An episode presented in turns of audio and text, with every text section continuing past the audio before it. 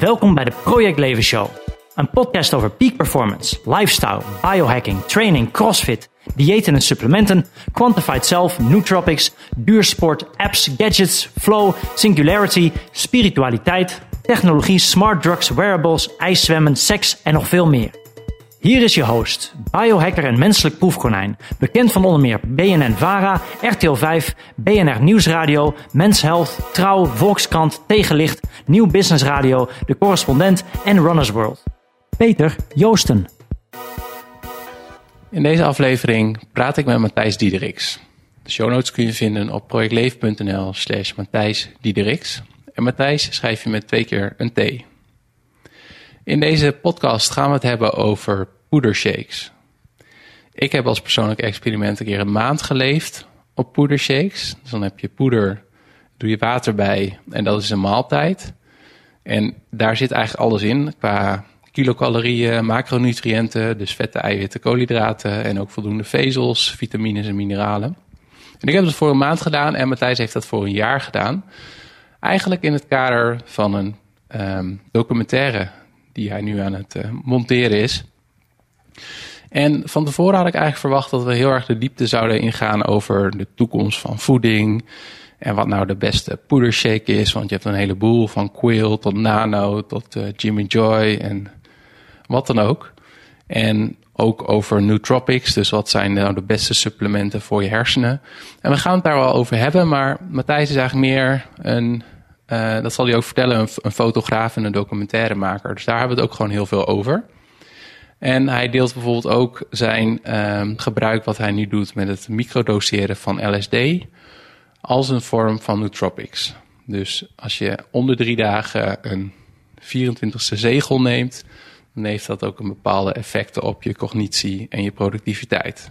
Dus als je er meer over wil weten, kun je dat allemaal horen in deze podcast. Wat nog even belangrijk is om te vertellen, is dat ik er een stukje uit heb moeten halen. Dat is het moment dat hij vertelt over zijn tiendaagse stilte-meditatie.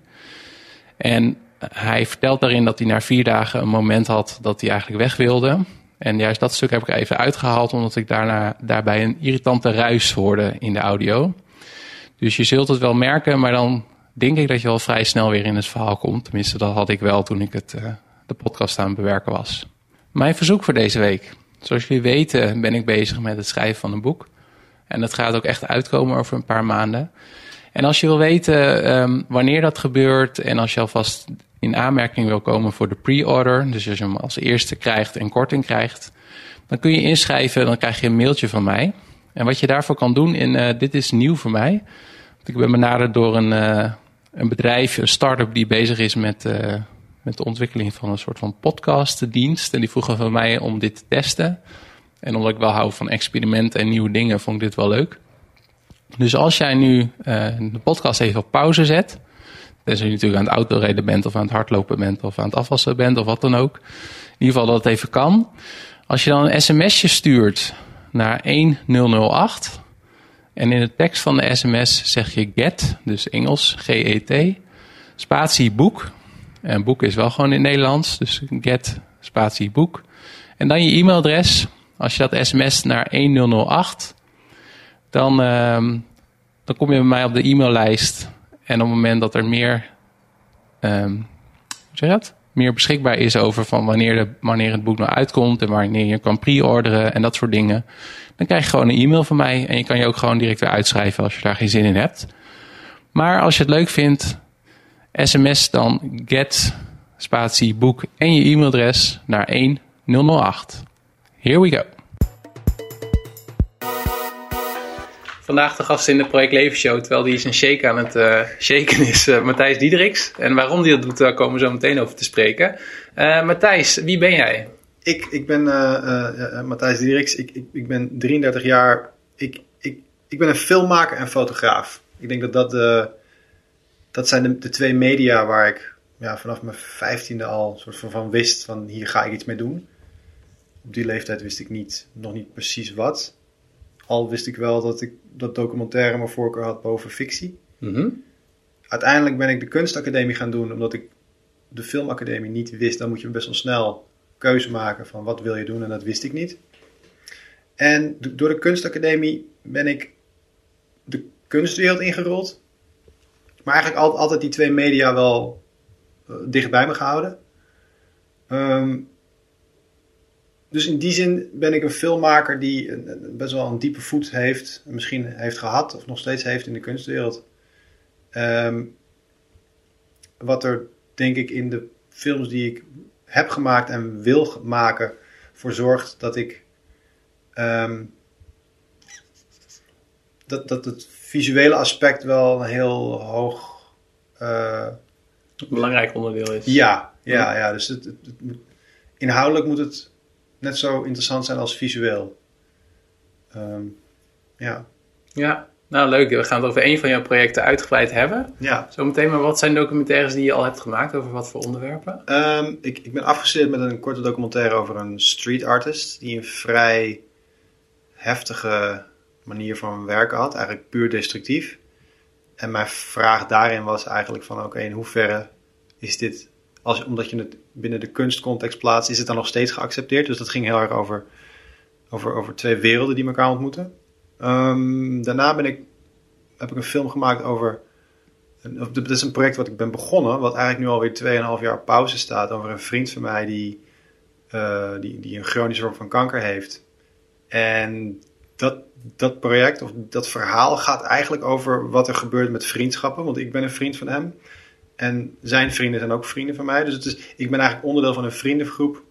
Waarin ik zag dat er, zodra er iets drastisch verandert, waar niemand eigenlijk controle over heeft, eh, wat dat doet met mensen. Wat, wat daarin verandert. En omdat dat een. een, een ja, ik zal niet lang over uitweiden, maar het, eh, het is echt een ver- verhaal over het leven. Waardoor ook die pauze van 2,5 jaar. ehm, dat heeft wel een plek. Dat, heeft wel, dat klopt wel.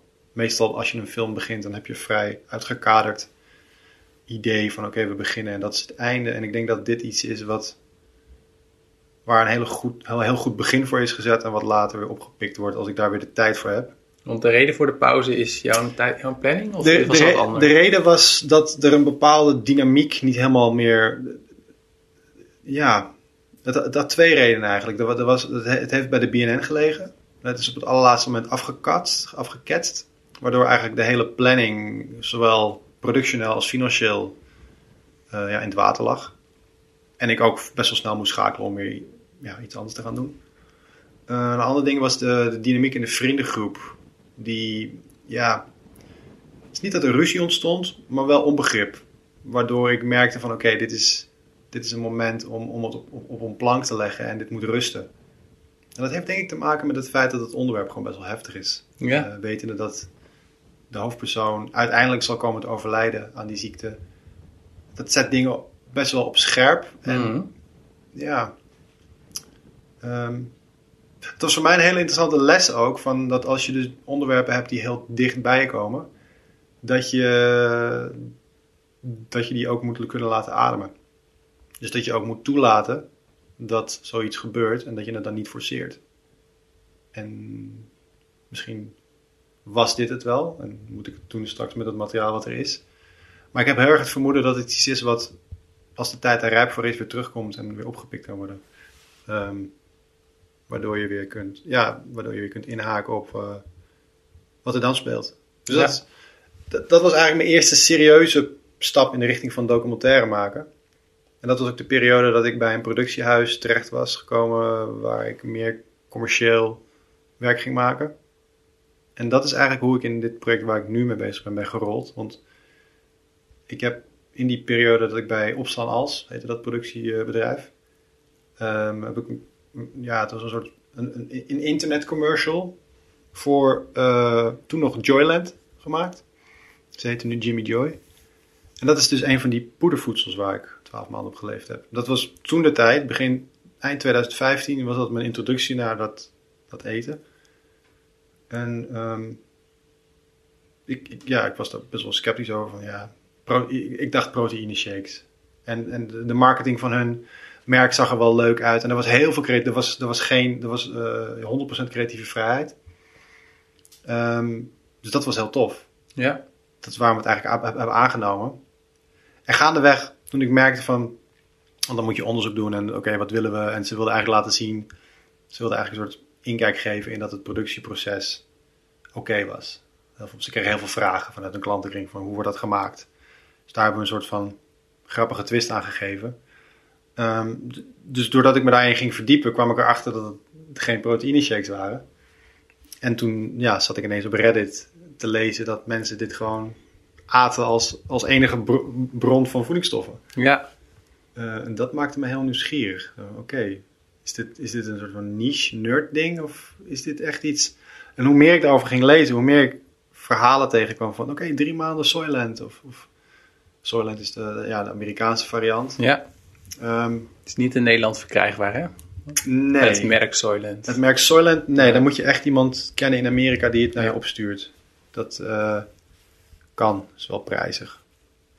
Maar er zijn, er zijn ja, tig eh, Europese varianten. Eigenlijk na het succes van Soylent zijn bedrijven als, als Jimmy Joy en, en Feed en Nano en zo uit, uit de grond gekomen. Omdat het, het, het, eh, het concept was geboren of zo. Ja, En het in eerste instantie ook heel open source de wereld ingebracht. ja. Hoe dat...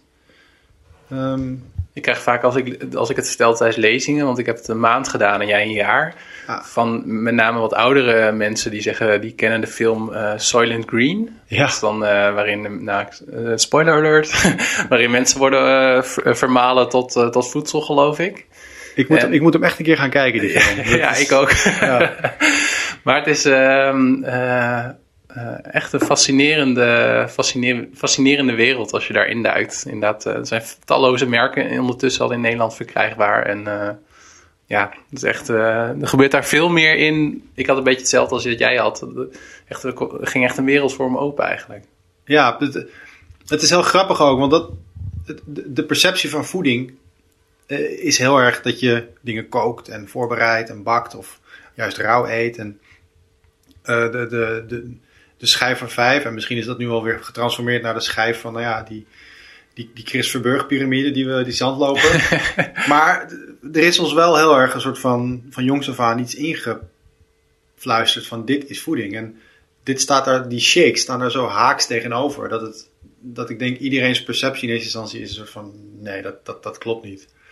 Ehm, en ik, ik denk ook niet dat het. Dat is misschien wel weer gelijk een van je antwoorden op je volgende vragen. Maar ik, ik denk niet dat die shakes aan zich echt de toekomst van voedsel zijn. Ik denk dat het meer een stap in een richting is van nadenken over voeding zoals we dat nog niet helemaal gedaan hebben. Althans niet op mainstream niveau. Want vanuit medisch oogpunt dingen als zondevoeding en mensen die niet kunnen eten, is het natuurlijk niks nieuws. Maar om dit te gaan implementeren als een product wat nu in de Albert Heijn ligt, eh, is het redelijk vernieuwend. En waar ik erg hoop dat het, dat het mensen bewust van maakt, is dat het dat zeg maar de, de, de richtlijnen van het voedingscentrum, die zijn er niet voor niks. En dat is wel gebaseerd op wat we nu weten, wat we nu denken dat we het beste voor ons is. Ehm, en, en ik heb gemerkt het afgelopen jaar dat als je dat dus continu doet, dat er wel degelijk iets gebeurt met je, met je, met je bewustzijn en je, je fysiek zoals mentaal gaat alles een beetje omhoog. Heeft een positieve, eh, een positief, positief effect. Maar dat wil niet zeggen dat ik denk dat we over vijf jaar allemaal aan deze shake zitten. Dat, nee, want eten is gewoon heel fijn. En um, ik denk ook dat eten iets is wat gewoon vanuit de evolutie, zoals wij zijn, zoals we nu zijn, voedsel is daar de sleutel van geweest. Dat we op een gegeven moment eten zijn gaan koken en anders zijn gaan bereiden, heeft er volgens mij voor gezorgd dat we zijn waar we nu zijn. Dus dat zomaar weggooien en shakes, nee. Het, het, is een.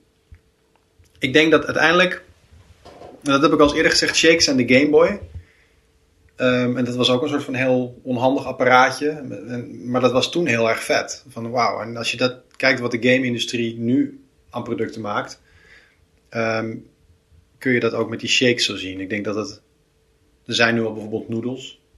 Die, dus, waar alles in zit wat je nodig hebt. Waardoor je het kunt koken en pasta van kunt maken. En veel meer met een gerecht bezig bent. En ik denk dat dat. Misschien op een gegeven moment ook dat je brood hebt. Waar alles in zit. Waar je geen dip van krijgt. En, ik denk dat het die kant op gaat. Dat, je, dat we Mhm. een soort substanties krijgen waar we mee kunnen koken zoals we dat kennen uit ons, ja, het vorige, gewoon onze traditionele manier van koken. Maar dat je wel altijd, het gaat om die voedingsstoffen. Dat je iets hebt wat een basis is waar alle voedingsstoffen in zitten. Ja. Daar is dit een eerste aanzet toe. En eh, ik denk de vraag die je het meeste krijgt is: wat ging je eten toen je weer normaal mocht eten? Ehm, ik, ik heb een eitje gebakken. Ja, en dan had ik toen ook, ik had na een maand had ik ook een eitje gebakken. Ja, gewoon. Ik heb, ik heb een behel, ik heb, ik heb brood gekocht, ei, boter en eh, knoflook, zout en peper. En dat, dat, dat brood heb ik in de boter gebakken. Uit de pan gehaald, knoflook doormidden en eh, knoflook over de bo- boterham geraspt.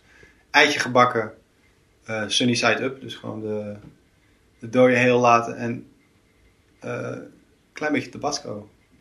En, en dat was het. En ik denk dat, dat dat heel veel zegt ook over wat, wat mij al was ontnomen. Stru- structuur, het knapperige en dat, dat, dat slijmerige. Eh, eh, smaak. Boter is heel erg eh, zoutig. Ja, hartig. Knoflook is ook... Dat zijn allemaal smaken die je niet hebt in die shakes. Alles smaakt zoet. Ehm, dus ik denk dat dat soort van de meest primaire...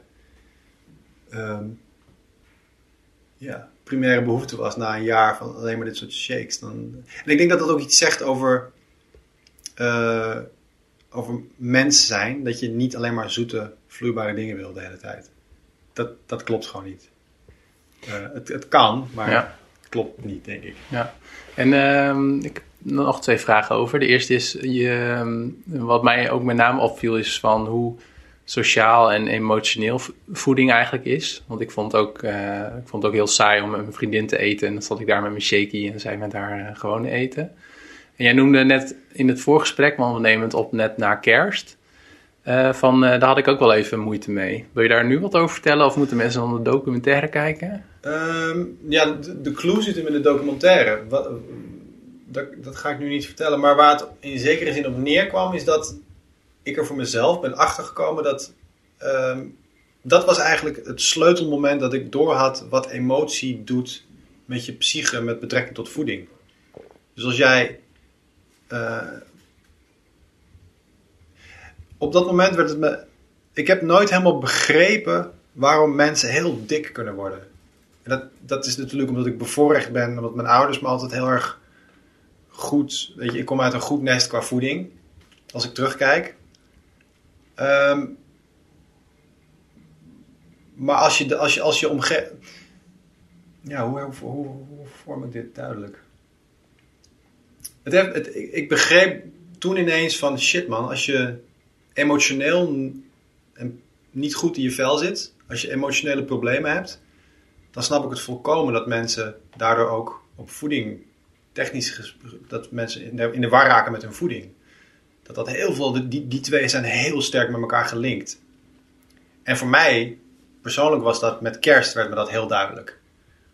Ehm, en dat komt omdat ik met kerst een hele ja, positieve relatie heb. En dat doet me heel erg denken aan familieconstructies en familiebanden waar ik heel veel waarde aan hecht. En, ehm, maar dat, dat is voor, voor mij iets eh, wat toen echt enorm werd uitvergroot. Waardoor ineens heel veel dingen op zijn plek vielen. En ik heel erg begreep van, oh wauw. Je, je, je kunt jezelf tot op een zekere hoogte allerlei dingen aanpraten. En jezelf motiveren. Maar ik denk dat iedereen op een bepaald punt komt dat je geconfronteerd wordt met je, met je eigen ik. En dat als die confrontatie ehm, ja, groot of sterk genoeg is, dat je daar heel veel van kan leren van jezelf. Ja. Ik weet niet of dat enige Ja. sens maakt, antwoord technisch gezien, maar...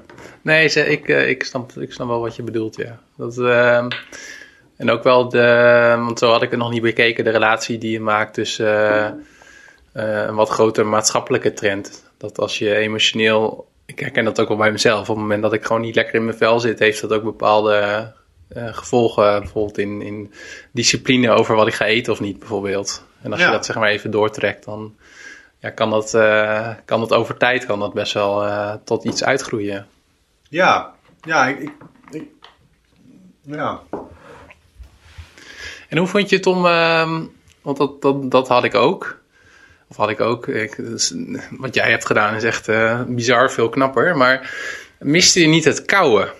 Mm, Want eh, misschien voor de mensen die aan het luisteren zijn nog steeds niet, niet weten wat we bedoelen. Een booty shake is echt, echt poeder. Daar doe je water bij, dan mix je. En dat is gewoon, zit alles in. Macronutriënten, ja. energie. eh, dus je bent alleen Ja. maar aan het drinken. Net als een proteïne shake. ja, je bent alleen maar aan het drinken inderdaad, ja.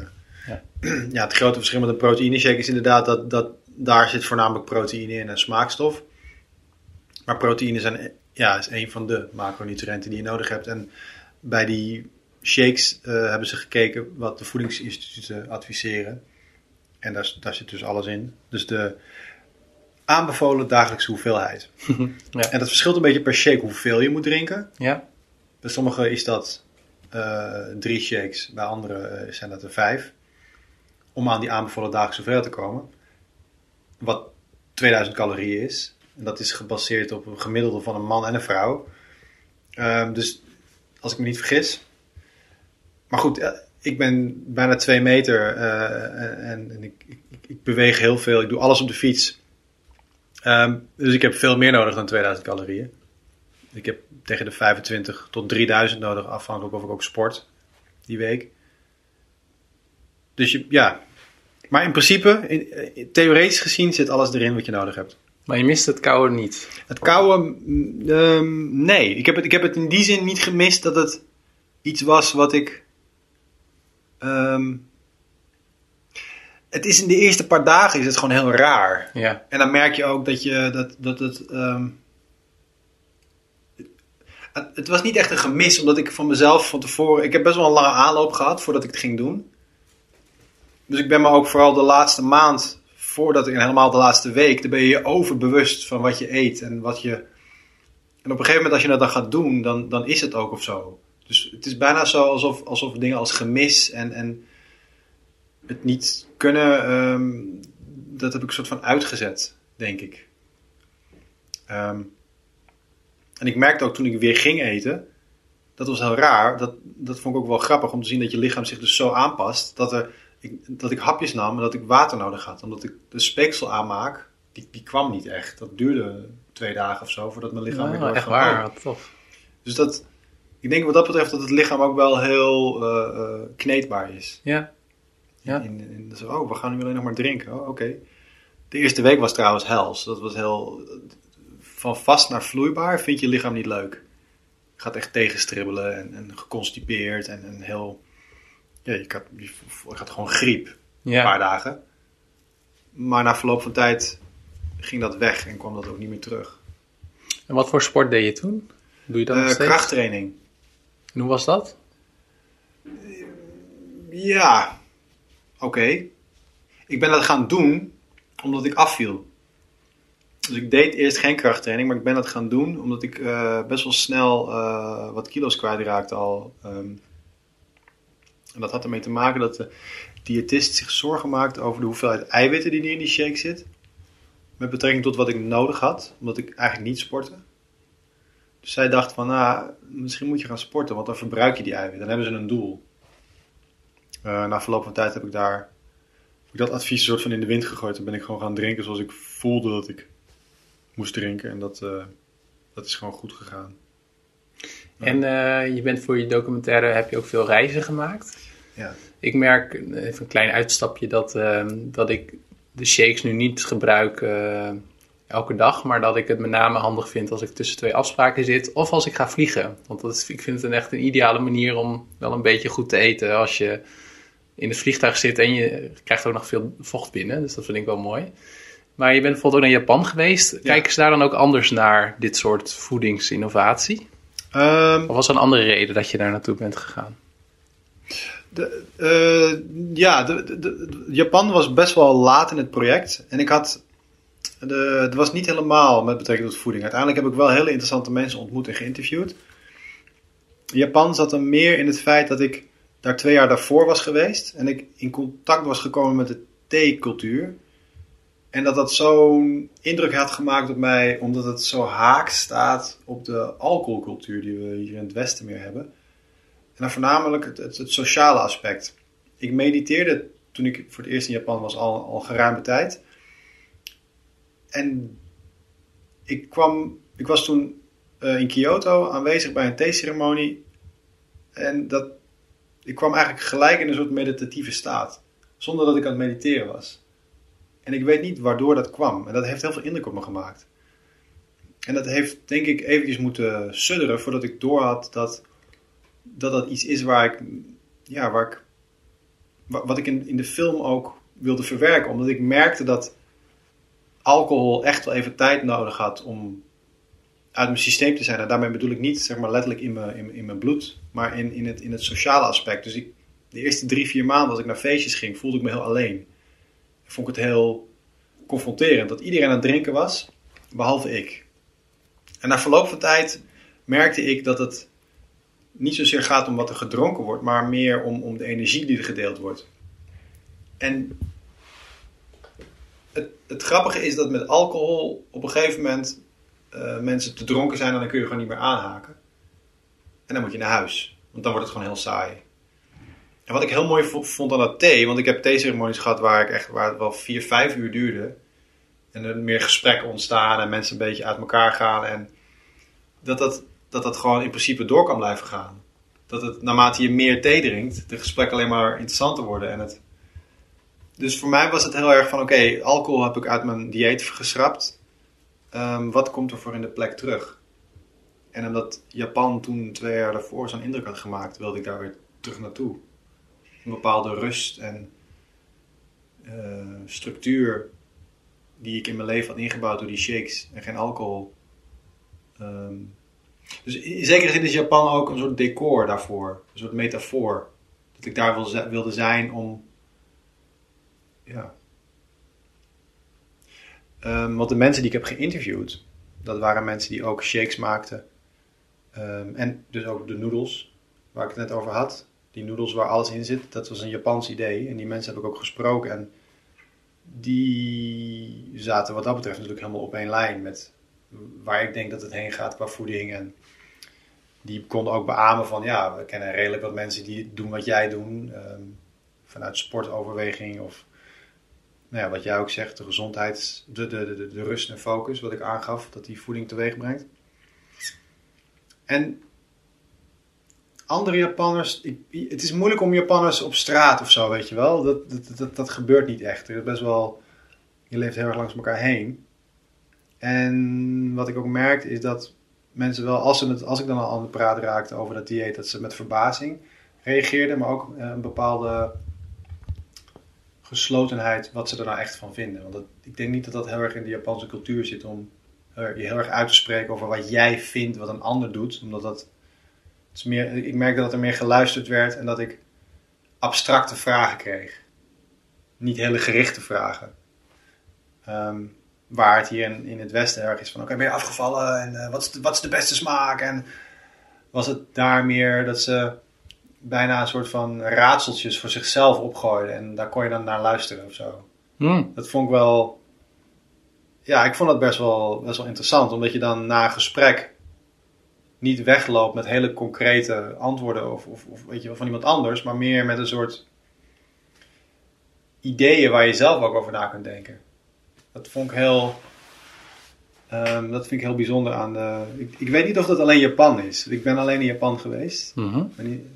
Dus ik weet niet of dat iets Aziatisch is. Maar ik heb het vermoeden dat het wel. Iets. Ja, ik heb het vermoeden dat het iets Aziatisch is. Dat je niet, niet zo concreet bent, maar dingen ook een beetje in het gewisse laat. En wat waren andere hoogte- of dieptepunten uit, uh, uit dat jaar? Een, een, een, hoogtepunt is dat ik heb ontdekt wie ik echt ben en wat ik echt kan. Uh, waar ik daarvoor ideeën had over wat ik zou kunnen zijn en ideeën had over wat ik zou kunnen doen. Is dit jaar, door dat jaar heel erg um, gevoelsmatig concreet geworden. In de zin dat ik um, het idee heb dat ik nu vanuit een kracht werk in plaats van vanuit een idee. Ik, ik was voor dit dieet heel erg altijd. Dat is misschien ook de kunstacademie. Dan word je heel conceptueel opgeleid. Dat je altijd een idee bedenkt en dat je vanuit het idee werkt. En wat er met die shakes gebeurde, is dat ik het idee had dat een jaar op shakes leven heel vet is. Want niemand doet dat. Maar daardoor een bepaalde rust en balans voor mezelf heb gecreëerd om erachter te komen waar ik nou echt goed in ben. En dat geeft heel veel rust en zelfvertrouwen. Dus dat is een heel erg hoogtepunt. Het, is echt een, het heeft echt mijn leven veranderd. Tot op, tot op zo'n hoogte dat ik nu ook bijvoorbeeld heb besloten om een, uh, mijn huis te gaan verbouwen. Omdat ik heel erg merk nu um, dat alles wat hier nog staat om me heen, uh, qua tafels en, en de manier van inrichtingen, dat is heel erg nog. Dat stamt eigenlijk uit de tijd dat ik nog niet de Matthijs was die ik nu ben. En ik, dat is een heel vergevorderd iets, maar ik denk dat je alles in je leven um, idealiter zo moet inrichten dat, je, dat het in staat, dat het toelaat dat je vanuit je kracht kunt werken. En dan is iets zoals je huis inrichten is wel, weet je wel, een soort van de finishing touch. Het is niet iets waar je bij moet beginnen. Ik denk dat je het beste kunt beginnen door te kijken van wat heb ik nodig. Als in rust, voeding, uh, vrije tijdsbesteding. En ik denk dat ik. En ik weet niet of ik dat. Ik, ik, ben, ik ben een beetje twijfelachtig om dat soort van als een, als, een, als een concrete waarheid de wereld in te brengen. Omdat ik heb gemerkt dat het voor mij werkt. Ik wil niet zeggen dat het voor anderen werkt. Maar voor mij heeft het heel erg geholpen om. Um, heel erg uit. Ergens iets. Uh, om, om uit, iets, uit iets te stappen waar iedereen onderdeel van is. Waardoor je nergens meer aan meedoet bijna. Je bent overal te gast de hele tijd. Mm. Um, waardoor je heel erg kunt gaan kijken, wat vind ik daar nou eigenlijk van? Wat, wat vind ik nou zelf eigenlijk? Omdat je niet meer beïnvloed kunt worden door je vrienden of je familie. Want je doet iets wat niemand doet. En ik denk dat ik dat voor mezelf nodig had om uit te vogelen wie ik ben en wat ik moet doen.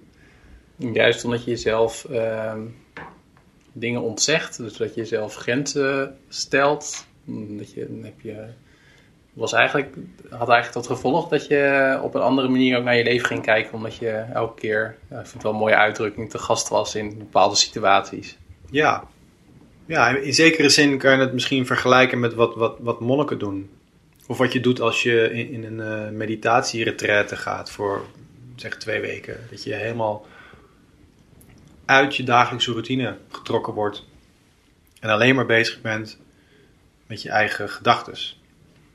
Um, en ik denk dat juist nu in deze tijd we misschien heel erg het idee hebben dat we heel erg onze eigen gedachten, die kunnen we continu delen via allerlei sociale media kanalen. We kunnen ook vrij snel iets aan iemand vragen en antwoord terug hebben. Um, die middelen zijn er allemaal wel, maar daardoor is er ook een situatie gecreëerd waardoor er heel veel druk is om stil te staan bij wie je nou eigenlijk zelf bent. Want wat, wie ben ik nou eigenlijk? Omdat je de hele tijd die impulsen binnenkrijgt.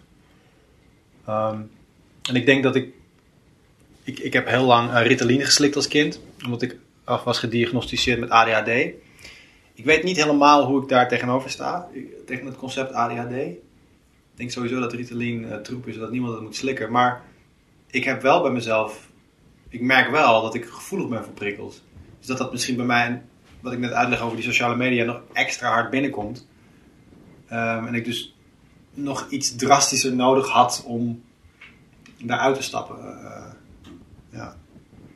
En wat ik, wat ik lastig vind is dat ik af en toe ook um, situaties meemaak of ervaringen opzoek die me dan inderdaad een tijdelijk of op dat moment een inzicht geven en een boost geven. En ik dan van plan ben om een bepaalde verandering in mijn leven teweeg te brengen. Maar dat dat op de duur toch weer weg hebt. Wat doe jij? Is het wat jij hebt meegemaakt iets blijvends? Of heb, heb je ook wel even momenten nodig om jezelf eraan te herinneren? Of... Na zes dagen, het is tien dagen in totaal, na zes dagen uh, ging ik weer naar die leraar toe. Toen zei ik, hey, weet je, ik, ik ben heel blij dat ik die zes dagen, dat ik de zes dagen heb gehaald nu, maar volgens mij, heb ik het, volgens mij heb ik, ben ik er wel. Ik heb het door. Ik vind het te gek wat ik heb meegekregen. Ik, ik wil gewoon, maar ik wil nu naar huis, want ik heb het idee dat ik gewoon mijn tijd aan het verdoen ben. Dus toen zei die leraar iets wat ik nooit zal vergeten. Van, zie je nu wat, je, wat er gebeurt? Je, je zegt hetzelfde als drie dagen geleden. Nee, drie dagen geleden was ik boos. Zei, nee, drie dagen geleden wilde je weg. En je wil nu weer weg. Alleen, je, je, je, je onderbewustzijn vertelt, vertelt het nu vanuit een positieve redenatie. Dus je neemt jezelf in de maling. En toen hij dat zei, was het bij mij zo... Toen viel er echt een kwartje van, holy shit, hij heeft gelijk. Ik, jeetje mina, als dit nu al gebeurt met mediteren, laat staan in het dagelijks leven, weet je wel. Met, dus je bent heel makkelijk in staat om jezelf in de maling te nemen. Ehm, en ik denk dat als je, als je dat altijd in je achterhoofd houdt, maar wat ik ook net zei met dat kerst en, en de emoties, dat je je soms in posities moet duwen waar je gewoon mega ongemakkelijk bent en helemaal niet wil. En dat is het moeilijkste, denk ik. Ik denk dat dat de grootste uitdaging is, überhaupt voor dingen bereiken in je leven. Dat als je daar doorheen kunt komen, um, daar leer je het meeste van. En dat, dat, maar dat is wel ingewikkeld. Ja. Ik denk dat ik nog steeds dingen doe die, of niet doe, laat ik het beter zeggen, dingen die ik niet doe, die ik eigenlijk zou wel zou willen doen, omdat ik ja, me laat leiden door emotie of onbewuste triggers. Ja. Ja, of dat je denkt dat je autonoom bent en dingen wil, maar dat ook allerlei andere processen een rol spelen in je onderbewuste waar je helemaal geen, uh, geen weet van hebt. Hmm. Ja, absoluut. Ja. En um, dit is trouwens wel heel erg leuk, Matthijs, want ik had een um, gesprek verwacht dat heel erg de diepte in zou gaan over poeder shakes en nootropics. En ik vind het wel heel tof hoe het gesprek zich ontvouwt, waarin het ook meer gaat over uh, fotografie en documentaires maken en kunst. En ook dit verhaal wat je vertelt over ja, spiritualiteit of zelfontwikkeling, of hoe je het ook wil noemen. Ja. Dus dat, uh, ja, dat wou ik even zeggen. Ja, ja dat, dat, ik, ik denk ook dat het. Um, ik heb ook best wel vaak dat ik mails krijg of vragen van uh, mensen die, die het project volgen of mensen die ik direct ken, van, die dan heel erg gerelateerd zijn aan voeding en gezondheid. En in die zin is dat misschien nooit echt mijn intentie geweest. Het, het, het is meer dat het. Um, ik, daar zijn mensen die daar veel beter voor geleerd hebben en, en veel meer van weten dan ik, die daarop kunnen antwoorden. Um, ik, ik, denk dat, dat, dat die shakes in die zin misschien meer een metafoor zijn of zo van um, wat je kunt doen in het leven.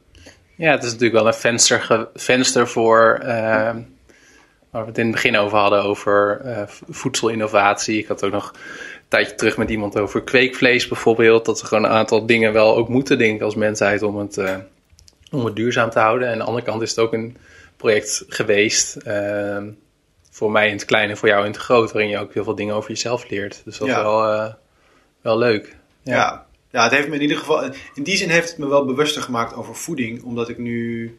Ik keek al op verpakkingen. Maar dat was dan meer vanuit een soort. Ja, angst met betrekking tot E-nummers. Um, dan dat ik echt, weet je wel, uh, keek van oké, wat voor, wat zit erin? Wat kan ik hiermee? Wat wil ik met de voeding? Wil ik vetten of wil ik juist koolhydraten? Wil ik suikers of wil ik juist mineralen? En doordat ik dit, dit nu gedaan heb, begrijp ik wel iets beter, zeg maar, die taal. Um, maar alsnog is het een hele complexe, complex onderwerp, voeding. Omdat ik denk dat het voor iedereen anders is. Ja. Het is voor iedereen. En, en dat maakt het een beetje ingewikkeld, omdat we niet echt meer de tijd hebben. Niemand wordt een soort van part-time diëtist voor zichzelf. Dat is gewoon. Dat kan, die mensen zijn er, maar daar moet je wel echt helemaal voor gaan. Um, dus vanuit, dat, vanuit die context kijk ik ook naar voeding. Met heel veel waardering en respect. En vooral het feit dat ik het niet weet. Dat ik erg af moet gaan op wat, um, wat, mijn, wat mijn gevoel zegt. Maar dat gevoel kun je pas echt goed horen als je een bepaalde baseline hebt. Um, dat was ook heel. Dat was iets wat. Uh, met, die shakes, omdat je alleen maar binnenkrijgt wat dan, ja, quote unquote, wat je nodig hebt op papier.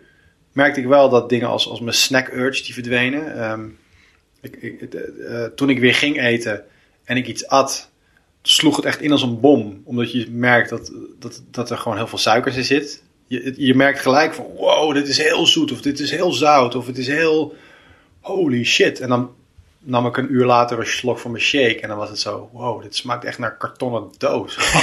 Terwijl tijdens die twaalf maanden was het, was het lekker. Ja. Ehm, ik weet niet helemaal weer waar we naartoe gaan nu, maar qua... Ja, meer van ook dat het eh, project een venster is op, eh, op jezelf en op eh, voeding. en voeding, Ja. vernieuwing. Ja, het, het, het, het, heeft me gewoon laten zien dat...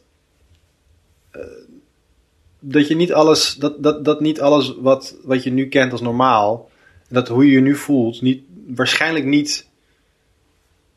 zeg maar, als je de, je beste dag neemt, hoe je, je op het be- hoe je je op je best voelt, waarschijnlijk is dat nog niet eens het begin van hoe je je zou kunnen voelen.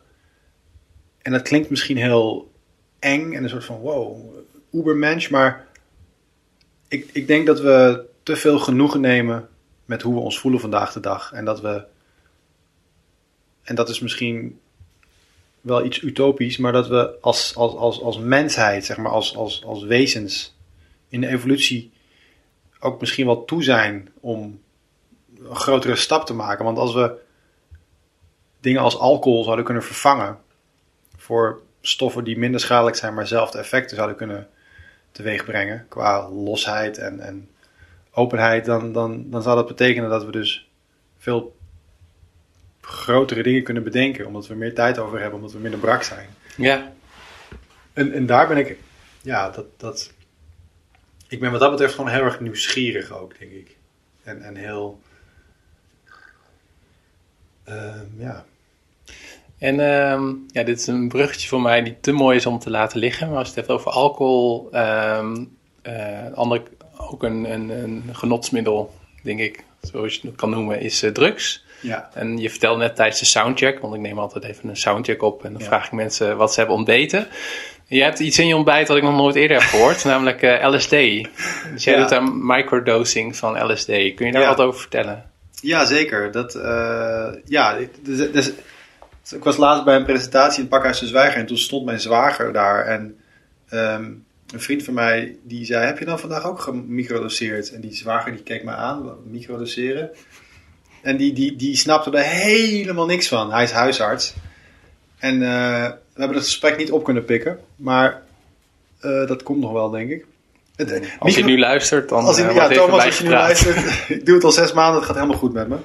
Ehm, de, ja, microdoseren, dat is op mijn pad gekomen, grappig genoeg, door, de, eh, de jongen, door Jan, de jongen die chronisch ziek is. Waar ik dus ook al waar, waar ik in het begin over vertelde. Die, ehm, ik denk dat het anderhalf jaar geleden is geweest dat hij me vertelde dat hij af en toe eh, weer paddo's, paddo's gebruikte. Omdat hij merkte dat, dat deed hij ook in zijn eentje en hij nam best wel veel. En dat hij merkte dat hij daardoor eh, ja, heel anders naar zijn leven is gaan kijken. En veel meer in contact is gekomen met zichzelf en minder bang werd voor de dood. Iets wat bij hem heel erg, eh, ja, heel erg een issue is geweest natuurlijk. En ehm, ik herkende dat, want ik heb in diezelfde periode ook redelijk vaak paddenstoelen gebruikt. Ook in een soort van solo setting, omdat ik met dingen worstelde voor mezelf. Waar ik het idee had van ik, ik kom hier alleen niet uit. En meditatie gaat ook niet. Meditatie brengt me maar tot daar en ik moet verder. Dus we hadden daar al best wel een dialoog over een lange tijd. En op een gegeven moment zei hij: hey, ik ken iemand die is eh, afgekikt van de coke. Die zat zo heftig aan de coke dat hij bijna elke dag twee keer gebruikte. En die, ehm, die heeft drie weken gemicrodoseerd eh, om de dag. En die is van zijn verslaving af. Toen zijn we samen naar een meet-up gegaan aan de hand van dat verhaal. Ehm, en bij die meet-up, ik, was best wel sceptisch. Ik had zoiets van ah, meet-ups en LSD. En dan zit ik, ik heb geen zin in hippies en, en. Maar het was een, super. Ik heb nog nooit zo'n verschillende groep mensen bij elkaar gezien. Het waren, mensen van in de 60 die inderdaad waarschijnlijk wel een beetje hippiesk waren. Maar er zaten ook softwareprogrammeurs tussen, mensen die eh, festivals runden. eh, iemand in een pak kwam langs met een, met een aktenkoffer. Het was een heel, heel divers publiek. En het grappige was dat het ook niet echt een concrete boodschap was, maar eh, meer iedereen. Er waren mensen die het heel vaak deden. En mensen die het nog nooit gedaan hadden. En er ontstonden, ontstonden hele interessante gesprekken. En daar raakte ik aan de praat met iemand die mij ehm, ja, vertelde wat zijn bevindingen waren. En dat was wel een klik in dat gesprek. Ik merkte dat hij oprecht was. Ehm, en niet meer iets probeerde aan te smeren. Dus toen, ja, toen ben ik door mijn telefoon gegaan en heb ik gezocht naar de dealers die er nog zijn. Wie verkoopt de LSD? En dat is dus helemaal niet zo'n eh, populair middel. Want eh, uiteindelijk heb ik het eh, via, via, weten te, via een goede bron weten te krijgen. Ehm, En ben ik dat gaan proberen. Ehm, omdat ik heel erg benieuwd was. Ik, ik, had, ik had al een soort van baseline, omdat ik met paddenstoelen hele goede ervaringen had. En dat, dat, dat ik dat nooit heb ingezet, echt zeg maar als een soort van, oeh, weet je wat, party drug. Maar echt, ik, ben daar echt, ik, heb daar, ik heb daar bijna 2,5 jaar alleen maar over gelezen. En podcasts over geluisterd. En op een gegeven moment iets van, oké, ik denk dat ik er klaar voor ben. En voorzichtig heb ik het opgebouwd. Dus met heel veel respect ben ik erin gegaan. En zo ben ik met het LSD eigenlijk ook omgegaan in het begin. En, maar er was dus al een soort van bodem, bodem van, van... Want als je nog nooit psychedelica hebt gebruikt, is dat wel... Ja, het schrikt af. En het is heel onbekend. En het is een heel ander terrein dan, dan ja, andere partydrugs. Ehm, dus ik heb eerst een halve zegel genomen, omdat ik wilde weten wat het zou doen, überhaupt. Wat er Per dag? Of... Nee, nee, nee, nee, nee. Gewoon een- als in een halve zegel is, is best wel veel. Om je een idee te geven, een zegeltje is, is heel, ja, een zegeltje is vrij klein, volgens mij een centimeter bij een centimeter. En wat ik daar nu van neem, om de drie dagen, is 1 24ste. Oh, oké. Dat is mijn dosering per dag. Maar ik ben, daar, ik ben tot die dosering gekomen nadat ik eerst een halve zegel had genomen. Om te kijken wat, het, wat LSD überhaupt doet. Eh, maar dat was, heel, was een hele toffe avond. Dat was heel fijn. Dat was een zomeravond op mijn balkon. Ehm, maar om voor mij die threshold een beetje uit te vogelen. Ehm, en ik merkte, wat ik heel erg interessant vond, is dat ik die avond ook, ik was niet echt aan trippen. Maar dingen waren wel een beetje aan het dansen en kleuren waren heel intensief. Maar ik kon wel dingen doen. Ik heb mijn hele balkon omgebouwd. En ik had een soort, eh, ja, dat?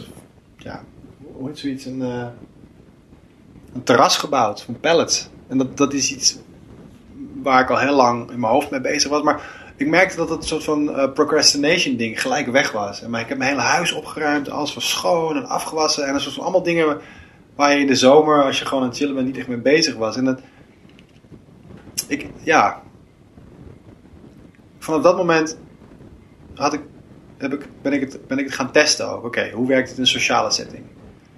En dat was best wel positief. Oké, hoe werkt het met mijn kind? Wauw, dat is ook wel te gek. Ehm, hoe werkt het als ik. ehm, ehm, eh, wat zijn nog meer dingen die je kunt. eh, ja, met, met, met mensen die je niet kent. Als je interviews moet afnemen. Eigenlijk elke, elke box die ik, af, die, ik on, die ik aftikte, die werkte positief. In de zin dat je een bepaalde focus hebt. En dat je eh, helder kunt nadenken. En dat, je, dat de sociale eh, energie nog steeds oké is. Dat je, Dus dat zijn de effecten van de microdosing. ja, Dus focus, helderheid. eh, maar wel met behoud dat het niet awkward wordt. Of, ja, als je niet te veel neemt. ja. Dat is iets wat je moet uitvogelen. Het, het, het, het is een, een, een, een- En het is een heel subtiel gevoel. Het is niet dat je. Ik, ik kan het. Ja, als, je, als ik het vergelijk met, met, met dingen als. als ehm nootropics als modafinil of, of, of piracetam, die zijn best wel. Dan krijg je ook heel veel focus. Kan je ook heel helder nadenken. Mhm. En op sociaal vlak merk ik wel dat ik een klein beetje geslotener word. ja, dat herken ik wel. Ook een soort van eh productiviteitsurge ook. Ja. Dat ook. Van, Precies, geen, Ja. geen, geen chit-chat. Ik Nee. wil gewoon knallen. En- Ja. Dus dat heeft heel veel voordelen als je gewoon in je eentje thuis werkt. Ja. ja, of allerlei e-mails moet, eruit moet rammen. Maar met, met microdosering LSD heb ik, kan dat ook. Maar als iemand aanbelt, dan kan ik ook een goed gesprek, goed gesprek hebben. Dus het, het is een soort... Het mes snijdt aan twee kanten. En ehm, ja, ik ben wel benieuwd naar de, naar de specifics. Neem je dan 1 24ste om de drie dagen en neem je dat dan met water of zo? Of ik weet helemaal niet hoe dat werkt, joh. Ja, die, ja ik heb... Ik, eh, ehm, ja, ik heb het in eerste instantie om de vier dagen deed ik het, toen ik er net mee begon. Toen ben ik het na, na twee maanden of zo om de, om de dag gaan doen. Ehm, omdat ik merkte dat dat... ehm, ja, ik vond het zo fijn. Dat ik die frequentie erin wilde houden. Ik merkte ook dat de dagen dat, dat ik het niet nam, dat het nog steeds impact had. Dus die één dag ertussen, dat, dat is voor mij een soort van... Als ik het, ja, dat was, dat was ideaal. Toen ben ik het op een gegeven moment elke dag gaan doen, een week lang. En toen merkte ik na, na de derde dag merkte ik helemaal niks meer. Dus dan had ik ook zoiets van, oh ja, dat is dus waar mensen het over hebben, die, die, die gewenning. Ehm, ja, dus om de dag. Dus het is een beetje uitvogelen voor jezelf. En die zegeltjes, het lastige is dat je in Nederland, voor zover ik weet, kun je je LSD niet laten testen op, op sterkte. Dus je moet het een beetje uitvogelen van oké, daarom heb ik ook van die eerste batch die ik had gekocht gewoon een halve zegel genomen.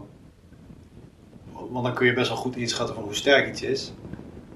En dan ga je vanaf daar uh, terug. Een andere, een andere optie wat je kunt doen, wat ik de volgende keer ga doen als ik weer uh, nieuwe zegels heb, is uh, in alcohol en gedestilleerd water oplossen. En dan moet je, de, dan moet je gewoon een rekensommetje maken van hoe sterk denk je dat je LSD is ten opzichte van hoeveel alcohol en gedestilleerd water je in doet. Dus als je dan 20 milliliter doet en je doet één druppeltje, dan heb je 1 twintigste van een zegel. Dus oh ja. Die rekensom kun je dan maken. Maar ik hoop dat ik um, iets vind waardoor je je LSD kunt testen op sterkte. Dus dat je, het is heel vreemd. Er zijn allerlei. Je kunt volgens mij, als je naar de Jelinek gaat, kun je alle drugs wel laten testen op sterkte. En, en wat er nou eigenlijk echt in zit. Maar met LSD kan dat volgens mij niet. En wat uh, naast de LSD, wat zijn nootropics die je nog uh, neemt? Um, op dit moment. Als ik, uh, als, ik me moet, als ik me moet focussen, als ik gewoon ja, e-mails of teksten uitschrijven of lezen, dan vind ik het fijnst om aniracetam of piracetam. Mm -hmm. Ik heb nu aniracetam liggen. En dan neem ik daar, dat is dan, dan neem ik ook iets van, kijk hoeveel, ja, 1000 of 1200 milligram aniracetam met 400 milligram uh, alpha GPC. Ja. Um, dat is dan om een uur of 10 s ochtends. Nadat ik mijn, mijn ontbijt heb gehad. En dan um, is het rond een uur of 2, 3. Als het dan nodig is, nog een kop koffie. En daar doe ik dan L-theanine en uh, L-theanine, DMAE en L-tyrosine in. Maar dan, dan heb je het wel echt over een, over een dag waar echt flink doorgewerkt moet worden. ja. Wat ik, ik, ik heb het al een tijdje niet meer gedaan omdat het niet echt nodig was. Wat ik nu eigenlijk dagelijks doe, um, als ik niet microdoseer, is 's ochtends uh, ontbijten met uh, een, een uh, bulletproof yerba mate. Dus de yerba mate thee maken. Daar dan boter en kokosolie bij. En dan 400 milligram L-tyrosine en 150 milligram DMAE. En dan, moet ik, dan ligt het een beetje aan hoe sterk die thee is. Die sterk, thee moet niet te sterk zijn. Ik moet er nog een tweede kop van kunnen maken van datzelfde, ja. hoeveelheid yerba mate. Dat is ideaal. Ik gok dat ik de hoeveelheid thee die ik gebruik voor zo'n kop, want dat is een halve liter water. En ik denk dat het zo'n... Ja, ik kan het, wel even, ik kan het wegen. Dan weet ik het precies. Of is het niet van, uh, we kunnen het ook in de show notes zetten. Je kan het wel in de show notes aanvullen. Ja, ja. het is wel interessant. Qua, want als je te veel doet, je laat het te lang zitten, dan is het super sterk. Ja. En dan, dan ga je, ik heb dat laatst per ongeluk gehad en dan sla je helemaal op hol. Dat is heel relaxed.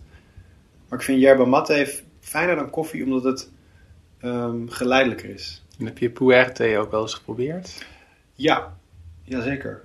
Ja, maar dat is wel een tijd geleden. Mm -hmm. Ik heb heel veel thee hierboven liggen, maar ik weet even niet exact wat puer is. En...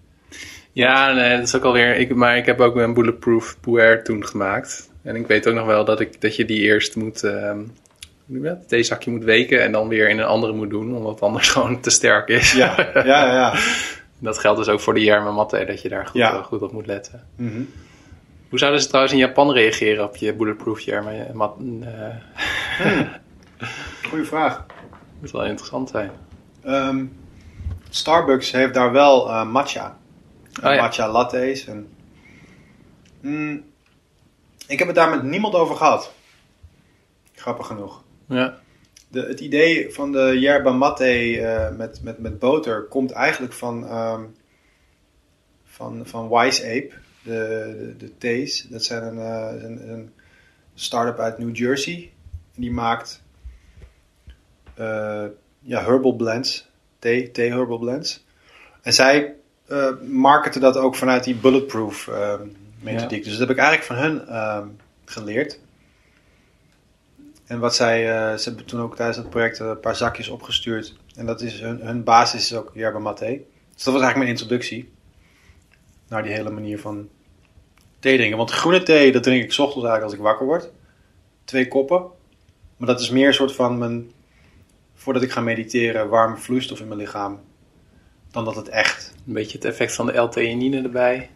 Ja, ja precies. Het, het, het maakt je wakker, maar Ja. het is niet een soort van. Want koffie op, op een lege maag, dat trek ik heel slecht. Dat, Hmm. dat kan ik niet. Nee. Daar ben ik te gevoelig voor. Mm, dus dat zijn. Ja, nu, nootropic technisch gezien is dat wat ik nu. Ja, want die eh rassentammetjes die kun je niet in Nederland eh, bestellen, toch? Nee, dat, is, dat bestel ik bij IntelliMed. Die Oké. zitten volgens mij werken die vanuit Engeland, maar ze shippen vanuit Portugal. Dus ik weet niet helemaal wat daar de constructie is. Je hoeft niet een dark web op, web op of zo. Nee, nee, maar het is wel grappig dat je het zegt. Ik heb nog geen Nederlandse distributeur gevonden die dat aanbiedt. Nee, volgens mij is het verboden in Nederland. Echt? Ja, Oh, wauw. dus ik blijf ook meestal bij de Nederlandse eh, merken. Ja.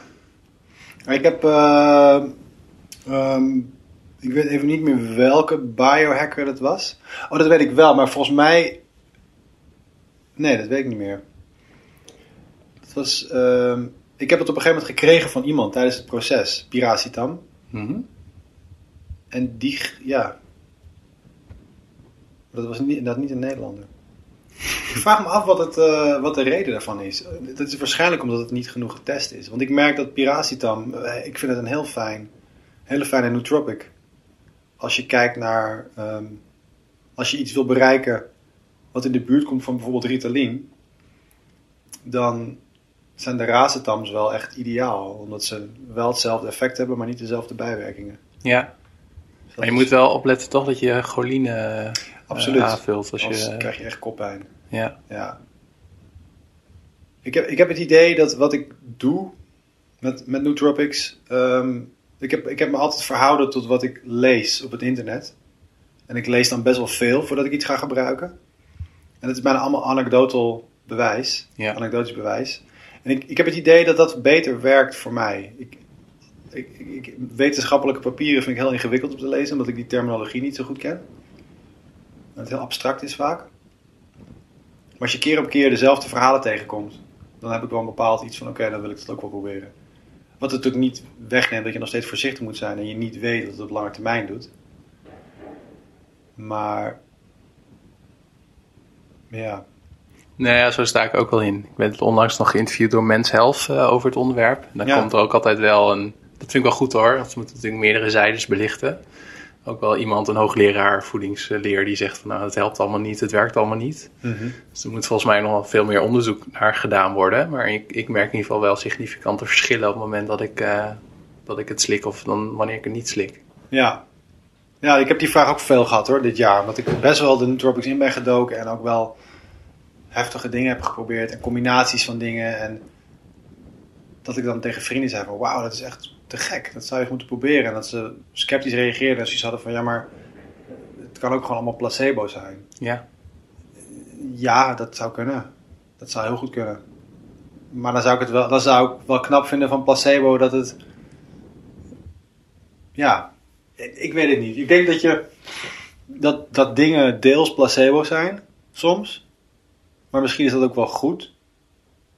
Als, als, jij, als jij iets neemt waarvan je denkt dat het gaat werken, of waarvan je hoopt dat het gaat werken.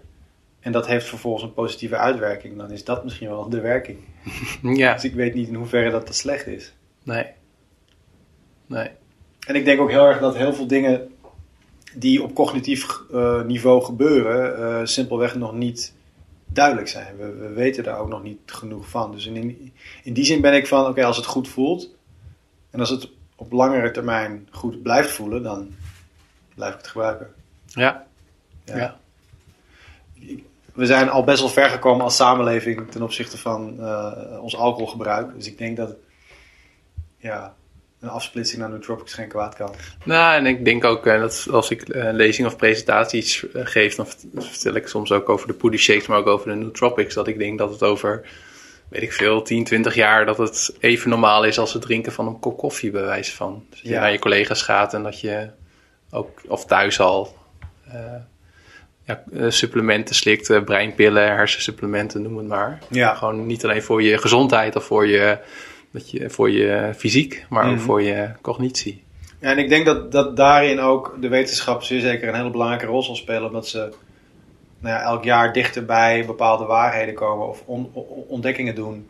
En dat ook er, er weer een eh, nieuwe, een nieuwe lichting eh, wetenschappers op aan het staan is die wel weer ook dingen als, als MDMA en, en psilocybine meenemen in onderzoek naar wat het kan doen. In positieve zin.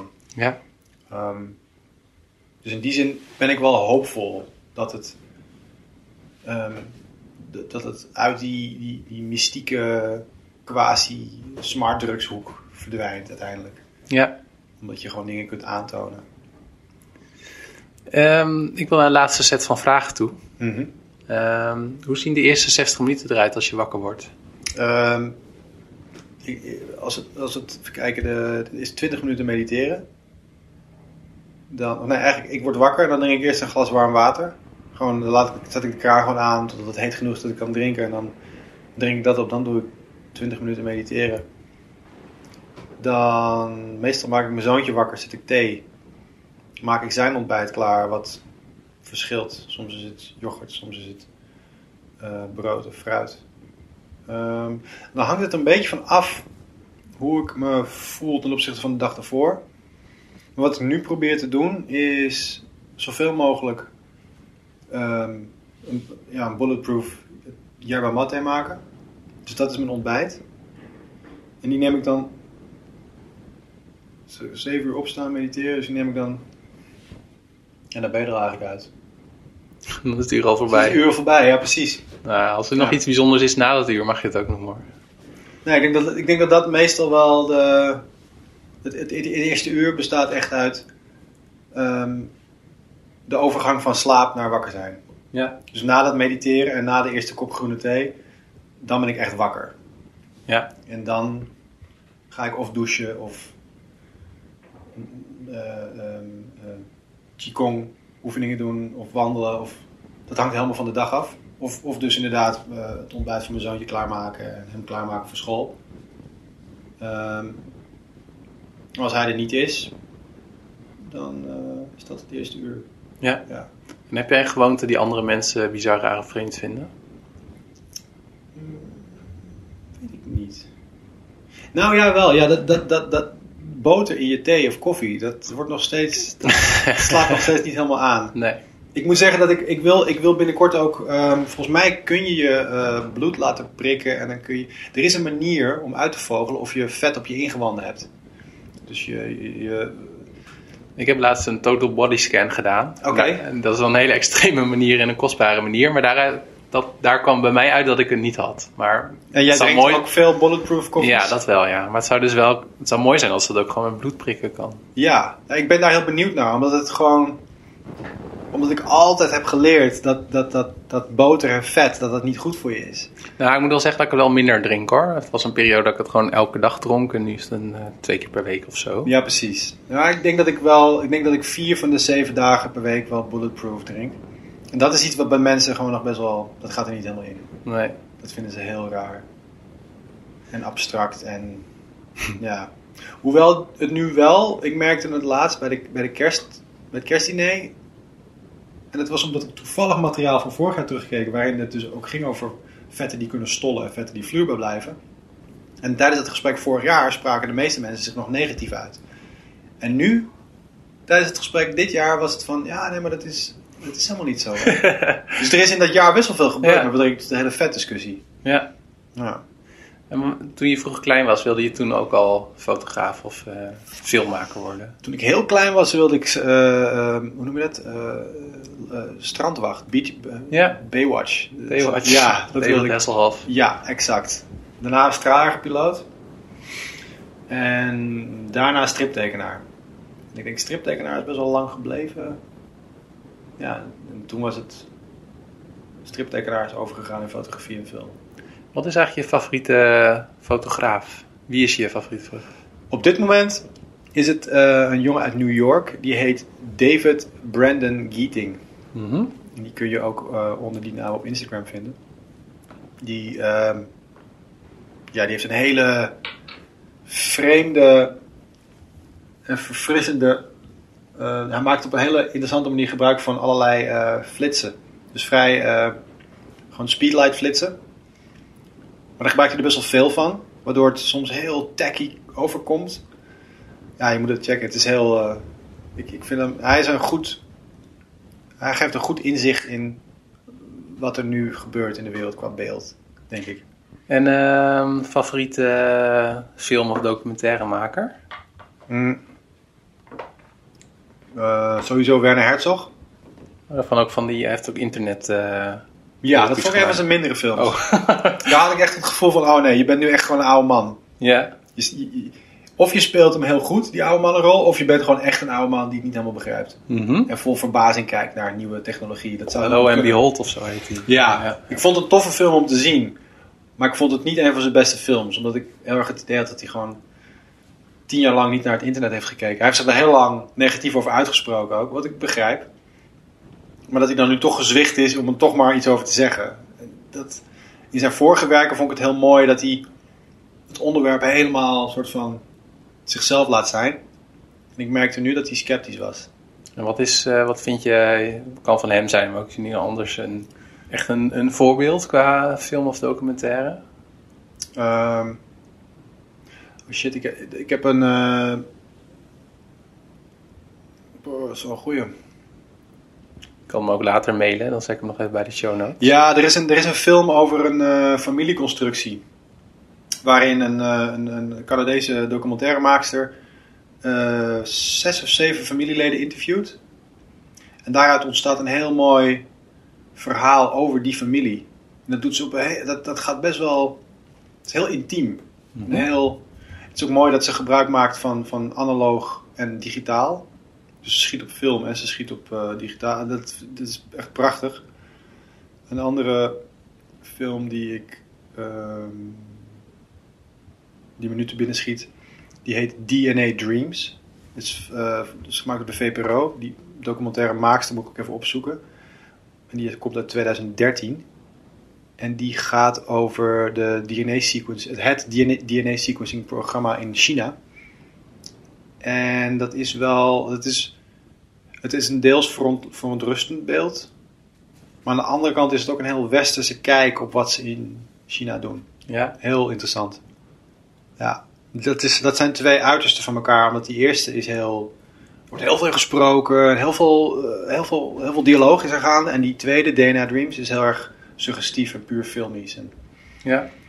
ja, heel, ja, dat eh, sluit wel mooi aan bij een eerdere opmerking die je maakt. Ik moet, er, een, ik moet eraan denken dat ik, eh, dat ik ook in lezingen wel eens vertel over wat er nu gebeurt rondom genetica en eh CRISPR-Cas9 technologie. En dat, eh, dat er nu ook een soort van tussen aanleidingstekens wapenwedloop gaande is tussen China en Amerika over mag je deze technologie al toepassen op mensen. En dat ze bijvoorbeeld in China daar al eerder mee zijn begonnen, ook om het toe te passen op embryo's. En dat daar heel verontwaardigd op werd gereageerd, maar ook omdat ze in China, in die cultuur, ook anders kijken naar embryo dan, dan wij. Dat, Ja. eh, dat, inderdaad, dat vind ik een mooi, mooi voorbeeld wat Ja. je dat noemde. Ja, het, het is. Ik, ik, ik, ik weet niet zo goed wat ik ervan moet vinden.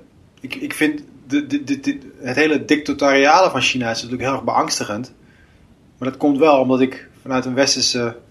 Ik heb een westerse opvoeding genoten. Ja, Dus voor mij is het individu, vrijheid, dat, is, dat zijn mijn rechten. En, ja, ehm, dus ik zou niet willen dat me dat ontnomen wordt. En ze hebben nu ook onlangs zo'n puntensysteem geïntroduceerd. ja, ja, Se- Sesame Credit. Ja, het, Ja. Is, het, is, het, is, het is super heftig allemaal. Maar als je gaat kijken naar, naar de wereldgeschiedenis en, en, en grote eh, rijken, hoe die dat hebben gedaan, dat ging nooit over. Het was nooit een soort van laten we het gezellig met z'n allen gaan doen. Zo. Dat is altijd heel naar geweest. Dus in die zin weet ik niet zo goed wat ik ervan moet vinden. En of ik er heel erg, of ja, wie ben ik om daar heel erg over te oordelen? Ik hoop, niet, ik hoop alleen niet dat het hier gaat gebeuren. Ik zou het echt verschrikkelijk vinden. Omdat het maar aan de andere kant zijn ze ook, ze zijn ook met het DNA-sequence, dat merk, merk je ook heel erg in die films, een beetje spoiler alert, maar dat ze heel erg bezig zijn met, oké, intelligentie. Ja, Waar we nu zijn, er zijn maar een paar super intelligente mensen, maar wat als dat de standaard wordt? Dat vind ik wel heel interessant. Als, als in nieuwsgierig. Ja, ja Heel- helemaal mee eens. En wat betekent dat dan Het is een hele, ethisch? ja. precies. Dan Ja. trek je wel een hele ethische discussie open, inderdaad. En heb je een favoriet eh, boek? Dat mag een fo- fotografieboek zijn, maar ook een fictie, non-fictie. Ja, ik heb. ehm, ik heb twee boeken gelezen dit jaar die me het meest zijn bijgebleven. En dat, die zijn echt totaal, verschil, eh, totaal andere hoeken komen. Die e- eentje is van eh Javal. Noah Harari? Ja, correct. Ja, Sapiens of die? Ja, eh, Sapiens, ja. ja. Eh, Homo Deus vond ik ook heel goed. Alleen daar, ik had het idee dat hij die beide boeken geschreven heeft met van je hoeft niet allebei gelezen te hebben. Hm. Ik vond er veel herhaling in zitten. Maar dat vond ik een heel fijn boek, omdat het heel ja, snel en to the point en heel eh, met best wel wat humor en, en inzicht de, de volledige geschiedenis van de mensheid Ja, schetst. knap. Ja. Ja. heel erg verfrissend ook met betrekking tot de, de toekomst. En, en ja, ja daar, daarin is zelfs één zin is me echt bijgebleven. Eh, dat, daar, daar, als ik hem goed quote, dan zegt hij... ehm, volgens mij quote hij een bioloog in dat stukje. Die zegt dat alles wat, alles wat de mens maakt, is natuurlijk. Omdat de mens natuurlijk is. Hm. Iets, volgens mij is dat die, is dat die quote. Dat vond ik wel heel interessant inderdaad, met betrekking tot de genetische discussie, in hoeverre we onszelf kunnen tweaken en wat we van tevoren, voordat we geboren worden. Dat is, heel veel mensen zijn geneigd om te zeggen dat is onnatuurlijk. Alleen, ik weet niet of dat, ja, we zijn, er zijn heel veel dingen. We zien dat nu nog als onnatuurlijk. Ja. Een paar generaties verder dan eh, Waar we, zijn we nu gewoon super inefficiënt luisteren, luisteren mensen naar deze podcast en denken jeetje. Och, och, och.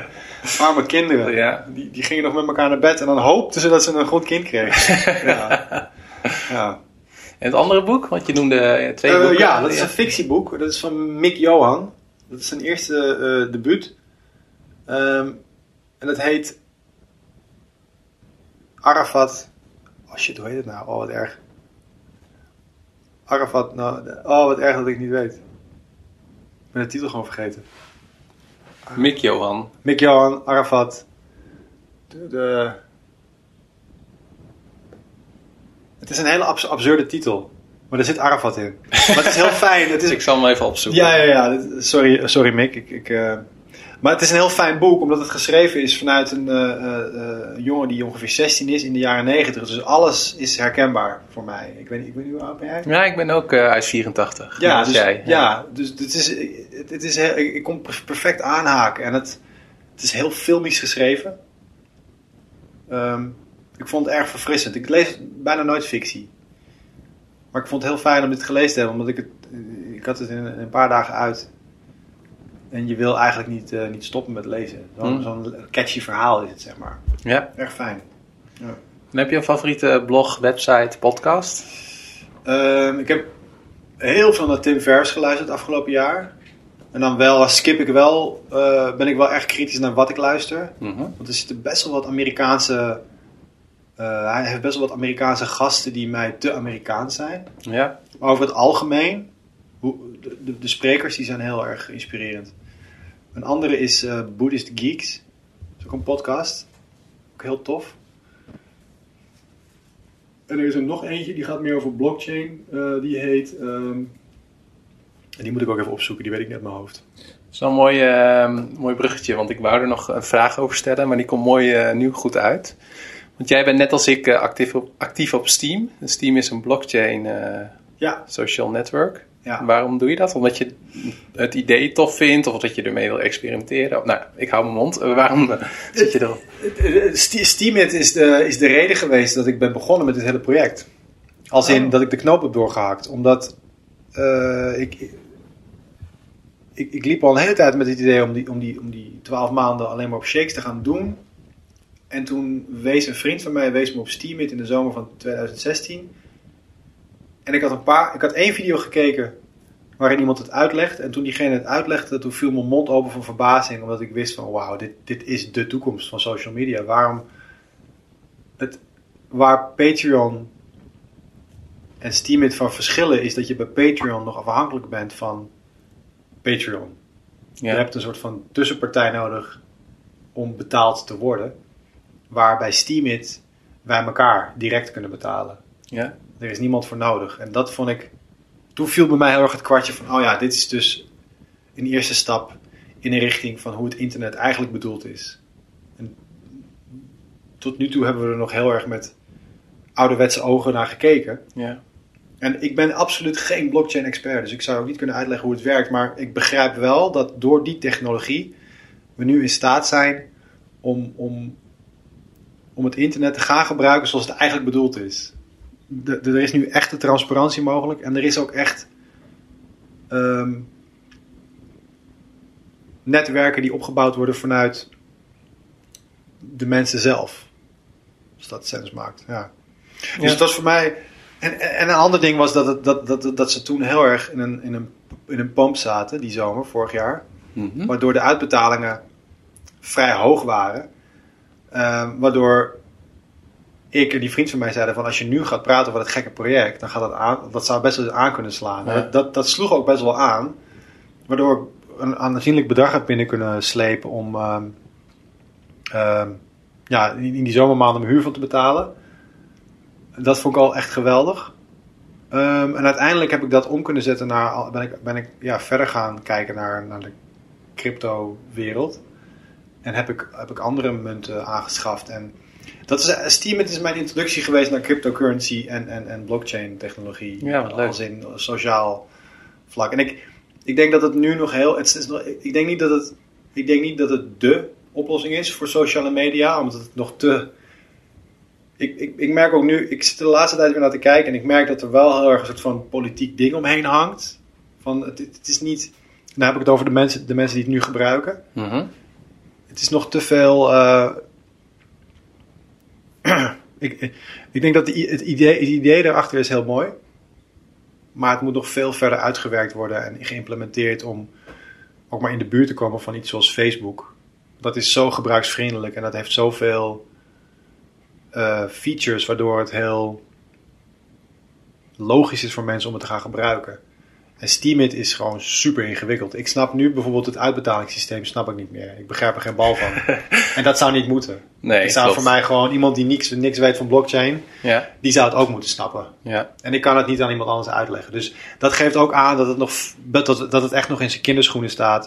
En dat er nu meer een fundament wordt gebouwd met de ideologie dat je dus eh, aan de hand van cryptocurrency elkaar kunt betalen. Zonder dat het je direct zelf geld kost. Ja. En dat kan ik nog niet uitleggen aan mensen hoe, hoe dat werkt. Ehm, dus daarin ligt nog een hele grote uitdaging. Ja, Ehm, Ja. Maar ik omarm het zeer zeker. ja. En ehm even kijken, hadden we, had, ik, had je die vraag ook al beantwoord van... eh, oh, po- ja, podcast. Ja, sorry. Ik was even door het uitstapje naar Steam even van een apropos. Wie, wie ben jij op Steemit? Of, eh, Ik volg jou sinds, eh, sinds gisteren. Eh, Ah. Dus voor de mensen die eh, luisteren en die op Steamit zitten. Jij bent onder de naam Future Food. ja, at Future At Food. Future Food. En Ja. volgens mij ben ik at WP Joosten. Maar ik zou de, de linkjes even opnemen in de show notes. En dan Ja, kunnen jullie cool. allemaal ons supporten en Steam, Ja, Steam geven voor onze goede content. ja. ja, dat is zeker. Ja. En ehm, Matthijs, is er iets wat je, ehm, wat je de luisteraars nog zou willen meegeven? Final thoughts? Ehm, ja, ik denk dat, dat als je op welk vlak dan ook het gevoel hebt dat je iets wil doen, maar op wat voor reden dan ook er niet aan toe komt, ehm, ten eerste heel, heel, heel, heel goed moet gaan kijken bij jezelf wat het is, wat je denkt dat je moet gaan doen, en wat het is dat je tegenhoudt. Eh, want het- ja, ik denk dat het leven ik denk dat keuzes maken over je eigen leven net zoiets is als een kind krijgen. Het komt nooit helemaal goed uit. Ehm, je moet het gewoon doen. en ik, ik denk dat dat slaat op alles wat je doet in het leven. Hm? Ehm, ik, ik heb voor mezelf gemerkt nu dit jaar dat het heel veel onzekerheden heeft weggenomen om juist de onzekerheid in te duiken. Ehm, ja, Loslaten. loslaten. Ook voor het gesprek. ja, ja. En qua thema's, het lijkt een beetje op de vorige vraag, maar is er nog iets waarvan je zoiets heeft, eh, hebt van hé, hey, dat eh, had ik ook nog wel even graag gezegd? Of wel een bepaald onderwerp, of daar zijn we niet aan toegekomen, maar wil ik nog wel wat over kwijt? Nou, ik denk dat het misschien terugkomend op het Steemit verhaal. Ik denk dat mensen zich. Want er is heel veel gaande nu met betrekking tot het, het kopen van Bitcoin. En ik, ik word op Instagram helemaal doodgegooid met advertenties over hoe ik daytrader moet worden. En als je interesse hebt in cryptocurrency, verdiep je erin. En als je geld over hebt wat je niet kunt missen, absoluut koop Bitcoin en koop al die andere munten waarvan je denkt dat ze waarde gaan stijgen. Maar het, het, het is een soort goudkoorts nu die gaande is. En eh, cryptocurrency en blockchain is niet per se geld verdienen. Het is een nieuwe manier van het internet. Er wordt een fundament gebouwd. En we gaan langzaam toe naar Web 3.0. En als je, ik zou iedereen op het hart willen drukken om ook echt daarover te lezen. Wat dat betekent. Wat dat kan gaan betekenen in de toekomst. En waar we naartoe gaan. Als je dat niet doet en je blind staart op het, op het, op het, op het feit dat Bitcoin volgend jaar misschien wel eh 100.000 euro waard kan zijn, dan, dan mis je een hele hoop kennis. Een hele hoop interessante informatie met betrekking tot hoe het internet nu aan het veranderen is. En dan snap je ook waarom dingen als netneutraliteit in Amerika, wat voor impact dat heeft en waarom dat gebeurt. Het, het is echt, dat is wat ik een beetje mis nu in het hele debat. Mensen staren zich blind op geld. En geld is een onderdeel, maar het is al- alles behalve de wortel van het geheel. Het gaat verstrekkende gevolgen hebben voor social media. En daar ben ik heel erg blij over en heel erg positief over. Maar ik zou, daar, ik zou het fijn vinden als, ik, als er meer slimme mensen opstaan en daarover gaan praten. Ja, In kranten ook over gaan schrijven in plaats van dat verdienen. in plaats van de koers. En het is Ja. bubbel. En eh, ja, Het is allemaal. Mm, Dit is relevant, maar het is ook maar zo relevant als je het wil maken. ja. Ja. En Matthijs, wat vond je van het interview? Leuk. Meestal zit ik aan die kant. Ja, En ben ik de vraag aan het stellen en mensen eh, de kleren van het lijf het vragen. Nee, ik, ik vind het leuk. Ik hoop dat het een beetje een, eh, een, een samenhangend verhaal is geworden. Ehm, ja, voor mij wel. oh, fijn. Ja, ik Ja. denk dat het wel fijn is dat je, eh, voor de mensen die nog luisteren, dat je hem in één keer luistert of in twee keer. Omdat er wel een soort van lijn en flow in zit. En soms dingen, zeg maar, later weer terugkomen, waardoor het wel handig is dat je het hele, Ja, ja, de samenhang eh, hoort. ja, podcast. Ik ben- ben sowieso altijd fan van oh, hoe lang het ook duurt. Je moet het gewoon helemaal moet Ja. tot het eind luisteren. eh, al is het maar om aan de stem van iemand gewend te raken. Ja. Ja, ik, ik kan heel erg van de hak op de tak gaan. Dat, zo zit het ook een beetje in mijn hoofd. ja, maar ik vond het niet storend. Oh, gelukkig. Dus, eh, en, eh, ik vind het dan ook wel weer le- leuk om mijn taak om daar wel weer een beetje structuur in aan te brengen. En, Ja, dat, dat deed je goed. Dat deed je goed. Inderdaad, gewoon, soms gewoon terugkomen bij een vraag. Dat is gewoon heel, heel fijn. ja, Ja. Een laatste vraag. eh, behalve Steamit, waar ben je nog meer te vinden op internet en social media? Ehm, nu voornamelijk op, op Instagram. En ik ben sinds kort ben ik gaan, ben ik, heb ik een YouTube kanaal geopend. Instagram is eh @futurefooddocumentary en eh, YouTube is doe je dan ook een ad? Volgens mij wel. Hè? ja, volgens At mij. futurefood underscore io. Ja, Ja, dus, dus en dat is eigenlijk mijn, mijn nieuwe. Ik ben er nog een beetje. Ik ben, ik, ik ben nog niet helemaal volledig fulltime YouTuber, omdat ik nog met die documentaire bezig ben. Maar dat is wel wat ik ga doen. Ik, ik, ik geloof heilig nog in YouTube. Als in, of tenminste, ik heb het nu eigenlijk pas voor het eerst ontdekt, omdat ik in het verleden nooit YouTube nooit helemaal begreep. Maar ik denk dat met, met mensen als Casey Neistat het vlogbegrip heel erg gealterd is de afgelopen paar jaar. En dat het een heel interessant medium kan zijn om praten over iets wat niet te vatten is in een uur film. ja, Maar wat een soort van ongoing proces is. ja. Ehm, ja, dus, dus als je... Nou, daar ben ik het wel mee eens. Ik heb altijd, eh, of altijd, eh, ik heb gewoon voor mezelf dan een blog en een podcast. En ik had altijd YouTube ernaast. En ik, nou, je mag me straks nog wat tips geven over video maken en zo, als je dat wil.